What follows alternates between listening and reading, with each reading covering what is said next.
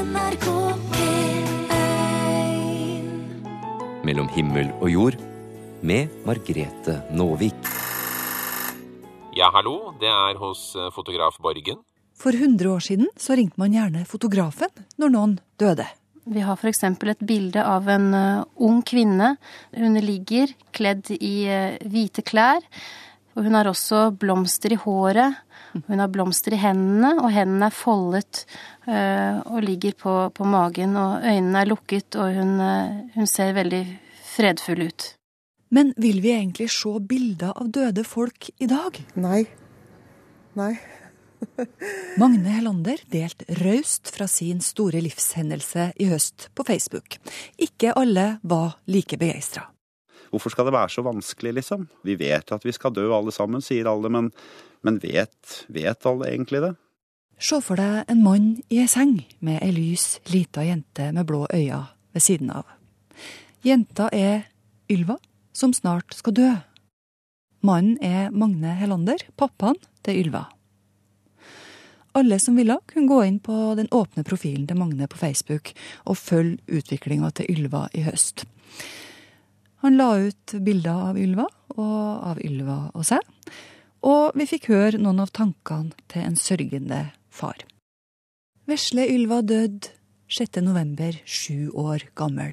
Like etterpå så logga pappa seg på PC-en og la ut følgende melding på Facebook. Da har jeg blitt pappaen til en nydelig engel. Akkurat nå dro hun videre til en ny verden.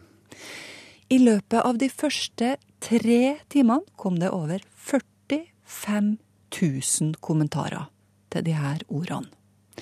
Hvorfor ble så mange mennesker engasjert i denne historien fra virkeligheten? Altså, jeg, jeg vet egentlig ikke hva som på en måte skjedde. Altså, jeg, jeg begynte jo å skrive når Ylva ble dårlig, og jeg hadde jo noen følgere hele veien. Og, men, men, det ekskalerte jo det, det, ble jo veldig stort. Mm. og hvorfor det på en måte ble det, det jeg fortalte jo egentlig bare mine skildringer og hva jeg tenkte og hvordan ting var, men, men vi hadde vel altså Verken jeg eller Cecilie eller Ylva har hatt fokus på sykdommen hele altså Vi har liksom fokusert på det lille som er på en måte å ta tak i det lille livet som er, da. Altså mm. Vi var jo klar over at Ylva mest sannsynlig ikke kom til å leve så veldig lenge. Selv om vi har selvfølgelig håpa på det, så var vi jo Vi fikk jo tidlig beskjed om at, at hun kom til å dø, og da hadde vi på en måte ansvaret for hva vi ville huske. Ville vi sette oss ned og være lei oss og gråte de siste dagene, eller ville vi liksom prøve å, å, å huske og tenke på det som var godt, da. Mm. Og det var vel det jeg på en måte prøvde å få ut. Og samtidig også så tenkte jeg at det kanskje er mange andre barn der ute som ja, som, som trenger litt oppmerksomhet. At så det var Du hadde en beskjed, liksom? ja. Eh, det er vel litt kanskje med med samvittigheten min igjen nå, at det var litt sånn for å prøve å bote litt på den. At, eh, at jeg håpa at, at, på en måte at menneskene der ute kunne se at de, de, har friske barn, og dette her kan faktisk skje dem, og at de på en måte ja, må gripe dagen, da. Ja. Men det var nok et budskap, ja. Det var vel det jeg forsøkte på. Mm. Mm. Grip dagen, ikke vent til du mister sjansen, sier Magne. For det var først da Ylva ble sjuk at han var 100% til stede for hun. De siste ukene sto han opp hver morgen, gikk ut i høsten og henta et blad fra et tre som han la i hånda hennes. Tok bilde og la ut på Facebook. Ja, Så ble det liksom mindre og mindre blader for hver dag ettersom hun ble dårligere og dårligere. og og de bladene tørka jo hånda hennes, og det så liksom ut som den energien i de bladene på en måte gikk inn i kroppen hennes. I starten så krøllte hun Tok hun jo hendene sine rundt de og sånn, så det, det, var litt sånn mystisk og Ja, det ble liksom en sånn det ble liksom en sånn greie som ble litt viktig. Mm. Og når det begynte å bli lite høstblader, så ble jeg litt sånn forfjamsa. Hva skal jeg gjøre nå, liksom? ja. Hva gjorde du da, da? Når uh, vinteren kom? Nei, altså jeg fant jo faktisk blader. Og så begynte jo mennesker å sende oss blader. Det kom jo blader i både Det kom jo et blad fra Skottland, blant hele en sånn plastikkpose med blader fra Skottland som var helt grønne og saftige. Men det ble liksom greit med de bladene vi fant ute på trærne, fordi de, de falma og datt av etter hvert. Altså, når hun døde, så var det ikke noen flere blader igjen. Så det mm. Det er helt merkelig hvor, hvor likt det egentlig var. Altså det at man på en måte ja, detter til bakken og blir borte. og Den tiden var liksom så riktig. Den ga liksom så mye. Det virket nesten som hun ville at vi skulle bli klare, på en måte. Og alt det her kunne vi altså se bilder av og lese om på nett. Med den eh, responsen Magne fikk på det her, så kan det nesten se ut som om vi trenger de her fortellingene. I alle fall noen av oss. Jeg vet ikke hvordan man skal angripe det, men, men verden blir jo veldig liten. og så kanskje vi får litt av det menneskelige tilbake igjen. Vi, men blir, vi skulle jo helst ha snakket sammen om disse tingene, da, ikke på Facebook. Og, og det har jo også fått en del meldinger og en del mailer fra skoleklasser, barnehager, som har snakket om disse tingene. Da. Og vi, vi fikk jo tusenvis av tegninger og brev til Ylva fra barn helt ja, fra tre år og oppover. ikke sant? Mm. Og det er jo på en måte det som har gjort størst inntrykk. Altså hvor fantastisk de skildrer en sånn Hvis de får lov til å gjøre det med egne ord. Det har vi også veldig mye å lære av. Altså hvordan, Hvorfor skal det være så vanskelig, liksom? Vi vet at vi skal dø alle sammen, sier alle, men, men vet, vet alle egentlig det? Ja, veit vi det? Jo, sånn på overflata veit vi det mener han, men vi tar det ikke innover oss. Dermed så er vi mer til stede i den materielle verden enn i den åndelige, sånn som han var før Ylva ble sjuk. Det her sier Magne, altså. Vi må på en måte nærme oss det, for døden blir snakket så veldig mye om sånn helt øverst i sjiktet, men det er jo ingen som tar det noe inn over seg. For det, det, er jo så mange Det er jo noen som dør og vi blir på en måte minna på det i større grad enn før. da. Altså, budskapet mitt var jo egentlig litt var at, at jeg på en måte følte den at jeg ikke hadde gitt henne noe tid når hun var frisk og ordentlig. At jeg angret på det. Og også det at den verden med et sykt barn, og at man bare får syv år av et liv som at man da skal sette seg ned og gråte hver dag og være kjempelei seg, det må være helt forferdelig. At ikke mennesker på en måte skal forstå at det kan faktisk være et veldig godt liv. Altså, det er ikke sikkert jeg hadde det er ikke sikkert jeg hadde kjent Ylva så godt om jeg satt her og Ylva var 30 år i dag og hadde aldri blitt syk. ikke sant? At jeg mm. skulle fortelle om henne da. Mm. Fordi jeg syns ikke jeg syns egentlig ikke det var På et tidspunkt så syns ikke jeg det var så forferdelig at Ylva hadde blitt syk, fordi jeg følte at det på en måte Nå, nå vet jeg hvem Ylva er. Nå vet jeg liksom at altså, ja, det, det, var liksom det som skulle til for at jeg på en måte skulle skjønne det. Og det høres jo helt forferdelig ut, men, men det er faktisk sant. Hm. Ja, Og at det var på en måte en blokade som jeg hadde, som jeg ikke visste om. Du har aldri vært så nært et menneske før? Nei. Nei, det, det tror jeg ikke. Beskjeden Magne Hellander ville gi gjennom alle de her ordene og bildene på Facebook, det var altså at sjuke barn fins, døden fins, så skynd deg å sette pris på det her livet. Og så var det mange av oss som stritta imot. Sykdom og død på nett? Nei takk. Men hvorfor kjenner noen av oss denne motstanden? Har det alltid vært sånn?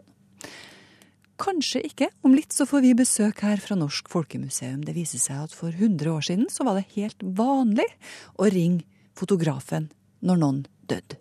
Vi har f.eks. et bilde av en uh, ung kvinne. Hun ligger kledd i uh, hvite klær. Hun uh, har et lite bord ved siden av seg hvor det står blomster. Og hun har også blomster i håret. Hun har blomster i hendene, og hendene er foldet og ligger på, på, magen. Og øynene er lukket, og hun, hun ser veldig fredfull ut. Vi snakker altså om hvordan vi forholder oss til aller, aller siste del av livet. Eller egentlig det som kommer etterpå i dag. Denne uka her var vi ute og snakka med hvem som helst i Trondheim Hei. om akkurat det. Jeg kommer fra NRK Radio. Jeg lurer på om jeg kan spørre dere om noe. Eh, for 100 år siden så var det veldig vanlig å ta bilde av folk når de døde. Hva syns du om det, å ta bilde av døde folk? Det kjennes jo litt ekkelt, syns jeg. Men eh, ja, om man vil ha en siste fin bild ifra når de, eh, ja, innan de, man, man ser dem jo aldri mer igen. Så det är det sista man ser. Så det kan väl vara fint så, men jag skulle aldrig ha det hemma själv. Vill du se ett? Ja. Aha. Det ser inte ut som man är död ens. Nei. Nej. Det ser bare litt slapp ut. Ja, precis. Ja, det känns konstigt faktiskt, det gör det. det tycker jag. Her er da mor og far som har mista sin datter, og så setter de henne mellom seg og åpner øynene. Og så tar fotografen bildet. Oi. Gjorde de seriøst det? OK. Jeg tenker det må være fordi at de ikke hadde mye annet bilde. Det må Ja. Men jeg skjønner jo dem. Eller eh, ja, for å få et minne. Ja. Hvis de ikke har noe fra før. Litt grotesk kanskje, syns jeg det, men eh, Ja, hvorfor syns vi det? det er et godt spørsmål. Det er jo egentlig en naturlig sak å være død, men eh, jeg vet ikke. Men Janne, vi er jo Facebook-venner. Ja, det er vi. Hvis vi hadde levd i den tida her og kanskje fått tatt et sånt bilde, da, og vi, at vi hadde Facebook den gangen, tror du, tror du vi kunne funnet på å lagt det ut? Nei. Nei. Det, jeg syns det er ille, men, eh, men jeg vet ikke hvordan vi har vært i tankegangen hvis vi har levd på den tida der. Det, er er jo, det var jo noe helt annet. Men i dag, da, hvis vi har begynt å lagt ut Hvis jeg har mista bestefaren min, og så har jeg lagt ut bilde av en skrevet 'Min kjære bestefar døde i dag'. Ja, men da, jo, men da måtte jeg ha lagt ut et bilde eh, mens han levde, i hvert fall. Ikke en død en. Eh, Da har det vært greit, syns jeg. Hvis du minnes en som er, ja, som er i live. Men hva er det som er forskjellen, liksom? Altså, døden er jo en del av uh, livet. Jeg Syns du spør vanskelig, Margrethe? Rett og slett. For 100 år siden så var det veldig vanlig å, når folk døde, ta bilde av dem. Altså, dette her er jo da et ektepar som har mista dattera si. Og så setter de seg i sofaen og setter hun imellom. Virker litt sånn skremmende, men, eh, men eh, Ja, men Det virker nå som at de har et mer eh, reelt eh, syn på døden. Da. At ikke nødvendigvis vi bare skal legge på lokket og gjemme det bort med en gang. Så Sånn sett så har vi kanskje noe å lære av det. Hvis uh, herrene her hadde hatt Facebook, så kan det jo være at de f.eks. har lagt ut det bildet her. Ja, det har de helt sikkert gjort. Ja. Og det kan du tenke deg, da. Det har jo blitt eh, masse sånne. Men du tror ikke det hadde- hadde blitt, eh, kunne ha blitt litt mer vant til det, og liksom forholde oss til døden, da, hvis det hadde ligget Det er jo klart, vi er jo vanedyr, så etter hvert så har vi jo blitt vant med, og da har vi jo bare blitt med. Blitt revet med. Det er jo sånn vi er, vi mennesker. Kunne det ha vært en fordel? Både ja og nei, for vi, det er jo litt sunt at vi eh, husker på, eller at vi tenker over at plutselig så kan din, eh, din kjære gå bort i morgen eller om noen timer og sånne ting. Men å gå og tenke på hele tida, det er jo litt uh, fælt, ja. Det er jo Så både ja og nei. Vil du se et bilde? Ja. ja. Jeg syns det er helt fantastisk, altså. Jeg syns det er et interessant bilde. Det er minne for livet. Men um, jeg kan si det på engelsk. I, I, I think um, uh, the fears that you're suggesting we have uh, are impl implanted, are maybe not really there, but suggested. Akkurat. Så tenker jeg at den I- well, kulturskapt, Ja. den, den redselen for yeah. døden. Ja. I have huge respect for it. Hvis de hadde hatt Facebook den gangen, tror du de hadde lagt det ut på Facebook? Um, I think maybe they would. Som jeg ser det, it's a conundrum because uh, to me this shows respect, love, adoration, and you want the memory. Så er ikke jeg redd for noe sånt, nei. nei. Life is short. Det kommer og den går, ikke sant? Og det er ingenting vi skal ta for gitt.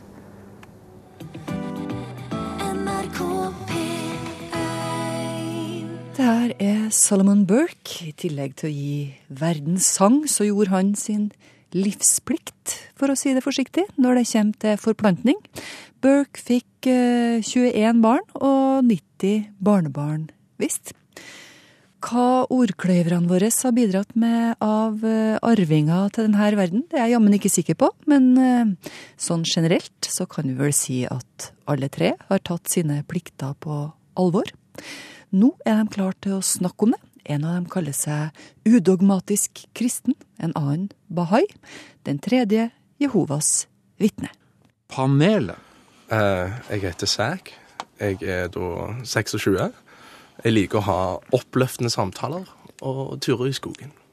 Ja, jeg er Arnfinn Christensen. Jeg er også veldig glad i å gå turer i skogen og glad i å fly i småfly. Og så, så er jeg forskningsjournalist til daglig og skriver om alt fra fjerne galakser til små atomer. Hei, jeg heter Grete Waver Eriksen og bor i Tønsberg. Og jeg har et skjelett på kontoret mitt. Jeg jobber som naturmedisiner med ortomolekylær medisin, og det er en veldig spennende og interessant jobb. Ordet i dag er plikt. Det er et underkjent eh, gode. Altså, Jeg tenker at plikt har fått en veldig dårlig klang, men faktisk er jeg veldig tilhenger av plikt. Men vel å merke, det er en plikt som må komme innenfra. For hvis du gjør deg til en slave for andres idealer, da er plikt et farlig begrep. Ligger ikke det litt i pliktens natur at det kommer utafra?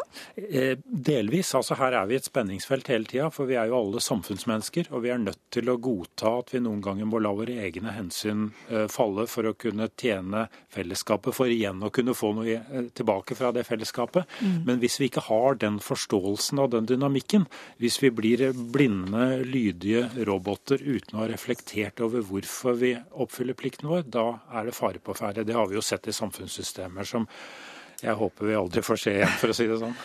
Men hvis vi tenker oss litt om, så har vi jo egentlig plikter hele tida. Vi har jo plikter med å, om å lage mat, altså vaske huset og på en måte stelle oss osv. Det er dagligdagse plikter som vi har. Og så har vi òg sånn indre plikter som jeg vil påstå at vi òg har. Og det er rett og slett å, å være god mot andre. Og alle disse pliktene er jo òg en del av å være et menneske. Og de må vi rett og slett gjennomføre, ellers så blir det ubehagelig her, mm. rett og slett. Grete, hva slags plikter har du? Ja, Plikt for meg det er å fortelle andre mennesker om hva som er Guds hensikt med jorden og menneskene. Ja. Så vi prøver å følge misjonsbefalingen som eh, Jesus kom med. da. Han sa jo det at vi skulle gå ut til alle nasjonene og lære dem alt jeg befalt dere. Så vi er jo opptatt med å oppfylle denne profetien, da. Betyr det at du ikke har, egentlig ikke har så veldig lyst bestandig? At, uh, at du er drevet av en plikt? Uh, altså, det, si, det ligger jo ikke naturlig for oss mennesker å kanskje gå og snakke med fremmede mennesker om Bibelen. Men når vi da får en god samtale, så oppveier det for alt. Så det gir veldig stor glede, da. Enn når det ikke går så bra, da? Hvordan har du det da? Det preller altså mann på gåsa. da jeg satt og leste om plikt i går, så kom jeg over et begrep som jeg aldri har hørt før, nemlig livsplikt. Er det det du snakker om her, eh, Grete? Ja, det kan du si. Vi ser på det som vår viktigste oppgave, da, å fortelle menneskene om Bibelen og mm. hva den sier. Ja. så har du en sånn livsplikt? Ja, på samme måte så, så syns jeg det er min plikt å fortelle òg om min tro.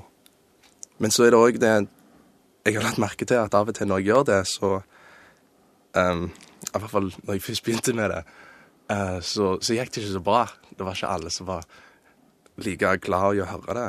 Og så forsto jeg ikke helt hvorfor, for det var liksom Det her er jo så kjekt, og det her er så bra og så gøy. Hvorfor, mm. hvorfor vil ikke folk høre om det? Og så viser det seg at det hadde kanskje litt mer med med meg å gjøre, egentlig, enn de andre. Så var jeg ikke opptatt av det andre mennesket, og hva den lurte på, hva den ville, og hva den hva sin, sitt liv, hva den handler om. Jeg var litt mer opptatt av hva jeg ville at den personen skulle forstå. Dessverre så gikk det en del vennskap med på det. da, At jeg måtte lære rett og slett at jeg, jeg må kanskje snakke litt fra hjertet istedenfor. Akkurat. Arnfinn, har du en livsplikt? Jeg har jo jobben min, som er å vise hvor fantastisk og flott universet er. Det har faktisk vært noe som har eh, Det gjør, har jeg gjort Jeg får jo selvfølgelig penger for det, så noe kjempeidealist er jeg ikke, men samtidig er det et idealistisk element i det. Jeg syns det er veldig flott hvis jeg kan forklare noe eh, vanskelig på en måte som gjør at folk tenker 'Å, nå skjønte jeg det'. Og begge foreldrene mine eh, var jo lærere, så jeg tror nok at jeg har det der i blodet, for å si det sånn. Men bortsett fra det, så er det det å være eh, meg selv åpent med mine sterke og svake sider. For jo mer jeg er i stand til å vise meg selv som den jeg er, jo mm. mer tror jeg faktisk at andre mennesker føler seg trygg sammen med, og da er det begynnelsen på et godt forhold til dem. Det er kanskje en sånn grunnleggende livsplikt jeg prøver å gjennomføre, da. Ja, nydelig. Hva med sånn eh, litt mer sånn trivielle plikter, Grete, sånn i forhold til foreldre eller barn eller Ja, der får vi jo veldig god opplæring fra Bibelen, da, hvordan vi skal oppføre oss i alle henseender. Tenker du på det hele tida når du forholder deg til ja, familie, f.eks.? Ja, absolutt. Gjør det. Så vi skal jo være snille og gode mot hverandre og ta vare på hverandre. Og vi skal være ærlige i alle henseender og ja, gjøre så godt vi kan i enhver situasjon. Mm. Når lura du deg sist unna ei plikt, da, Arnfinn? Eh, ja, når var det? Eh, det er, ja, faktisk nå så oppdaget jeg at flysertifikatet mitt eh, hadde gått ut. og Jeg har fløyet ulovlig i halvannet år. Så jeg har nå eh, tilstått overfor Luftfartstilsynet, og i verste fall kan jeg havne i fengsel. Så dere får besøke meg der. Jeg tror ikke jeg havner i fengsel, da, men det var en plikt jeg har forsømt. Jeg hadde rett og slett blingset på sertifikatet mitt og oversittet en frist. Kan dere tenke litt på hvordan hadde vi klart oss uten plikten? Da hadde samfunnet brutt sammen. Enkelt og greit, altså. Det hadde vel blitt anarki? Ja, det er som, som Sack sa i stad, så vi gjør plikter hele tiden. Selv den mest anarkistiske, eh, antiautoritære person gjør plikter hele tiden. For hadde han ikke gjort det, så hadde han ikke kommet seg fra A til B i det Ja, hele helt tatt. klart, helt klart. Ja. Men det er en klok mann som har sagt eh, når vi begynner å snakke om plikt, da har vi slutta å elske. Hva sier dere om det? Sak? Jeg, jeg tror jeg skjønner litt hvor han kommer fra. Um, men igjen så kan plikt gjennomføres med kjærlighet. Så for eksempel det er på en måte på en måte å lage mat til barna eller rydde huset eller sånt. Det kan, det kan gjøres med kjærlighet, selv om det er en plikt. Mm. Så, men jeg skjønner hvor han kommer fra. at Kanskje han mente liksom at eh, ja, det her må jeg gjøre bare fordi at det, det skal du gjøre, rett og slett. Og da, da blir plutselig livet litt kjedelig og liksom påtatt utenfra. At du forstår ikke helt sjøl hvorfor du skal gjøre det. Når du plutselig forstår at det her er viktig for deg og viktig for livet ditt, og, og de rundt deg, da plutselig vil du gjennomføre en plikt med, med glede. Ja, jeg, jeg, tror det er, jeg leste en gang en bok av, av Erik Fromm som handlet om kjærlighet. og Du har den svermeriske kjærligheten som bare baserer seg på følelser. Den er egentlig veldig lite verdt. Det er først idet kjærligheten blir eh, konkret handling.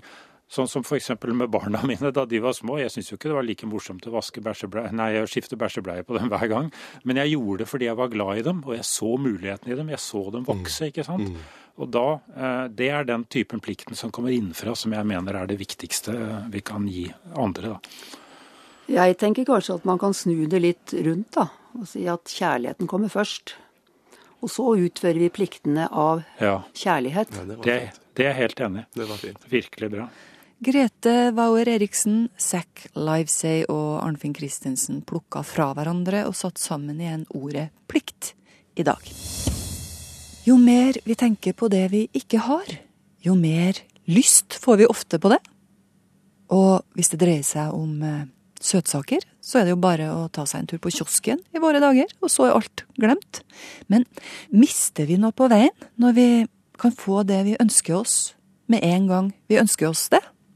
Kan det være at sånne lyster og lengsler har en verdi i seg sjøl? Miriam Wiklund har fintenkt litt på det her.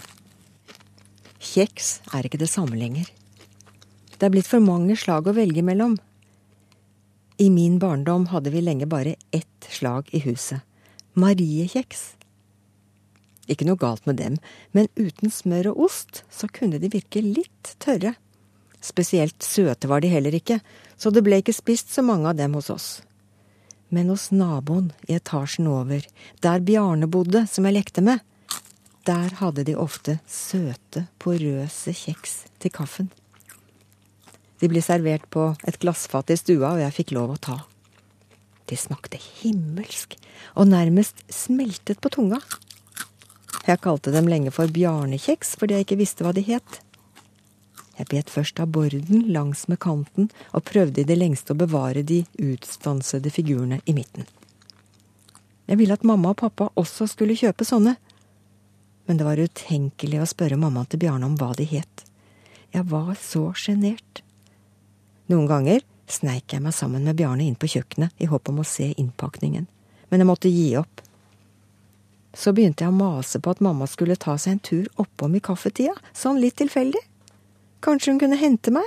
Og så ble hun invitert inn, og så fikk hun kjeks og kunne spørre hvilket slag det var. Men før det ble slik, så skjedde det, helt tilfeldig, at de samme kjeksene lå på fatet hjemme hos oss. Fantastisk! Det var da det forunderlige skjedde. Jeg snappet grådig til meg tre stykker og satte tennene i den første. Men den smakte ikke på samme måten. Den var ikke så besnærende god lenger. Kjeksene hos Bjarne lærte meg noe om forskjellen på fest og hverdag, eller eh, noe om magien ved å ønske seg noe man ikke vet hvordan man kan få tak i. For en smak! For en sødme av de porøse, søte kjeksene. Jeg hadde fylt hele meg med vellyst og en gulpende appetitt. Men nå, som de ikke lenger var uoppnåelige, nå var de bare vanlige kjeks. Noe av auraen forsvant med det som ble dagligdags. Rart, det der. Mellom himmel og jord. Søndager klokka ti. Tidligere i sendinga så hørte vi at Magne Hellander la ut følgende melding på Facebook da dattera hans Ylva døde i november, sju år gammel. Da har jeg blitt pappaen til en nydelig engel. Akkurat nå dro hun videre til en ny verden. I løpet av de første tre timene så kom det kommentarer fra over 45 000 mennesker på profilen til Magne. Mye medfølelse, men Magne har også fått pepper for at han deler litt for raust, vil noen si, av denne store livshendelsen. Det er mange som mener at sånne opplevelser hører privatlivet til. Man skal ikke legge ut bilder av syke barn, eller for den saks skyld døde mennesker på nettet. Men så viser det seg også at bilder av døde mennesker har ikke alltid vært uhørt. I studio her så sitter to kunnskapsrike og kloke hoder fra Norsk Folkemuseum. Marie Fongård Seim og Audun Kjus. Og Marie, du kan fortelle om eh, ei tid da man eh, gjerne ringte fotografen når noen døde. Ja, altså post mortem-fotografering, det å ta bilder av personer som eh, nylig har avgått ved døden, det var en vanlig eh, praksis helt fra fotografiets barndom på eh, 1800-tallet og fram til midten av forrige århundre. Mm. Kan du beskrive et sånt bilde? Ja, vi har f.eks. et bilde av en ung kvinne som ligger i Vi ser ikke helt om det er en kiste eller en seng, men hun, hun ligger kledd i hvite klær. Hun har et lite bord ved siden av seg hvor det står blomster. Og hun har også blomster i håret. Hun har blomster i hendene, og hendene er foldet og ligger på, på, magen. Og øynene er lukket, og hun, hun ser veldig fredfull ut. Når slutta folk å ringe til fotografen når noen døde? Altså, det man sier er at uh, post mortem-fotografiet har uh, vært praktisert helt uh, fram til et par tiår inn på 1900-tallet. Mm. Um, det, det, er, litt vanskelig å forklare dette med åssen det slutta med de bildene. For det, i hvert fall i Norge så, så, får, så, ser det jo da ut som at man i grunnen slutter å ta disse bildene før det blir helt sånn gjennomført at folk dør på sykehus og blir begravd fra institusjon. da. Så det har ikke noen sammenheng med det? Jo, jeg tror kanskje det har en sammenheng med det. For den trenden begynte jo i byene i mellomkrigstiden. Ja. At man ga de døde til, til, begravelsesbyråer, og at folk i mindre grad ble begravd hjemmefra. Jeg tror da at, at det er en sammenheng, da. Men det er litt, det er litt mystisk likevel. Men kan jeg få skyte inn noe om hvordan disse her portrettene i grunnen hang sammen med disse begravelsesskikkene i Norge, sånn som de, sånn som de var, da, så ja. lenge folk ble begravd hjemmefra? Gjør det. Da man hadde døde i huset, så var det jo da sånn at når naboer og slektninger kom, kom, innom, ja, da kom de innom for å se liket. Mm. Og alle som kom på besøk i et eller annet tilfeldig ærend, de vil også da bli spurt om de ville se liket. Og også da under det som da i grunnen er det, det sterkeste øyeblikket under begravelsen den, på den gamle måten, altså når, når, de skulle bæres ut av hjemmet sitt. Mm. da var det også sånn da at alle som da var til stede, skulle ta et siste farvel med den som skulle, skulle bæres av gårde til kirkegården. Sånn at da alle skulle se ansiktet til den døde. Så det der øyeblikket der, som et ganske sånn obligatorisk øyeblikk, hvis du er i familien eller i nabolaget, eller hvis du er i vennekretsen, at du da skal ta det der siste farvel. Ja. Jeg syns det kan være med på å forklare noe av hvordan denne post mortem-fotografiskikken kanskje ikke er så, så morbid som eh, Altså det kan kanskje gjøre det mer gjenkjennelig for oss, da. Mm. Men altså på et nettforum for foreldre som har mista et barn, Marie, du har sendt meg en lenke til et sånt sted. Ja. Her ligger bl.a. et bilde av uh, Iver, som døde tre år gammel. Mm. Og på, på, det samme altså bildet av Iver død, da. På det samme nettstedet så diskuterer foreldre om det er greit å legge ut bilder av ungene sine Mm. Og det er veldig interessant å se hvor forskjellige meninger det er akkurat rundt det der. Mm. Eh, noen mener jo at man er i mental ubalanse som kan, eh, kan gjøre noe sånt. Mm. Eh, andre mener at eh, sorgen er ens egen, og hvordan man velger å, å, å, la den komme til uttrykk, det er et individuelt valg.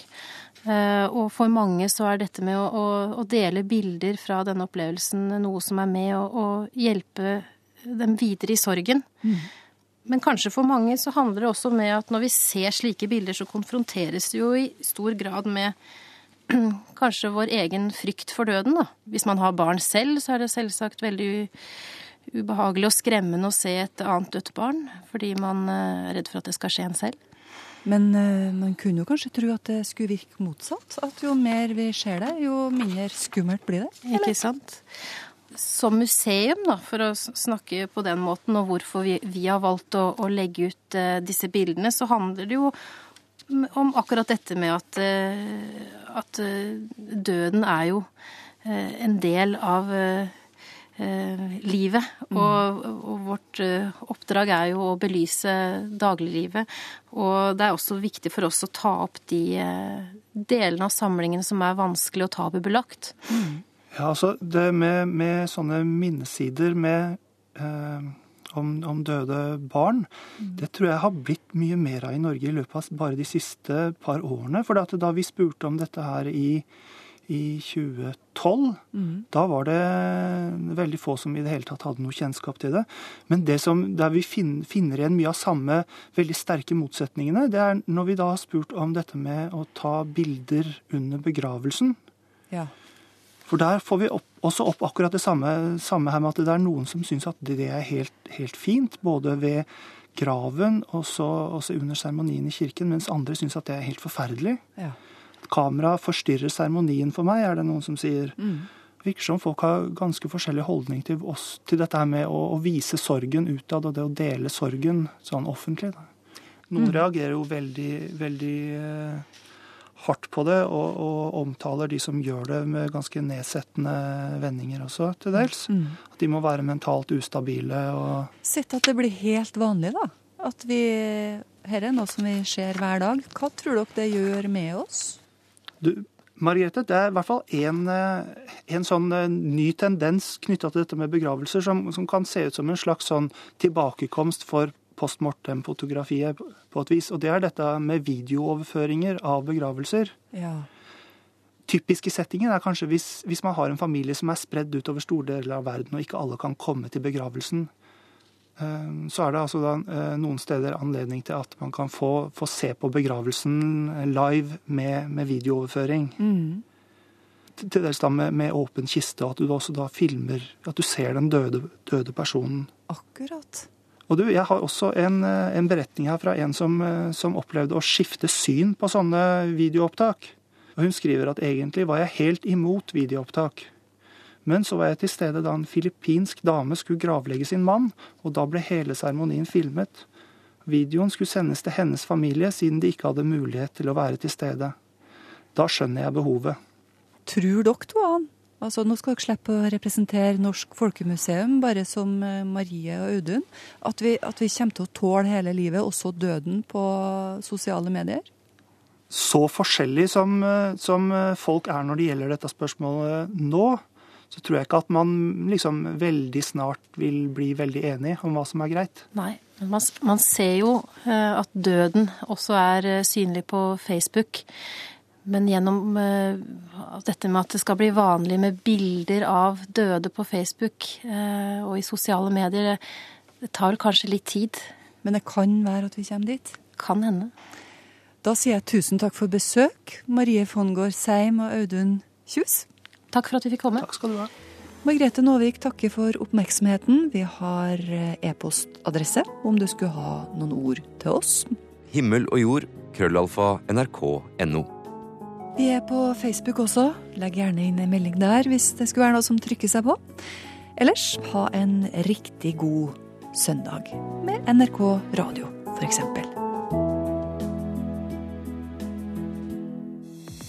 Hør flere podkaster på nrk.no podkast.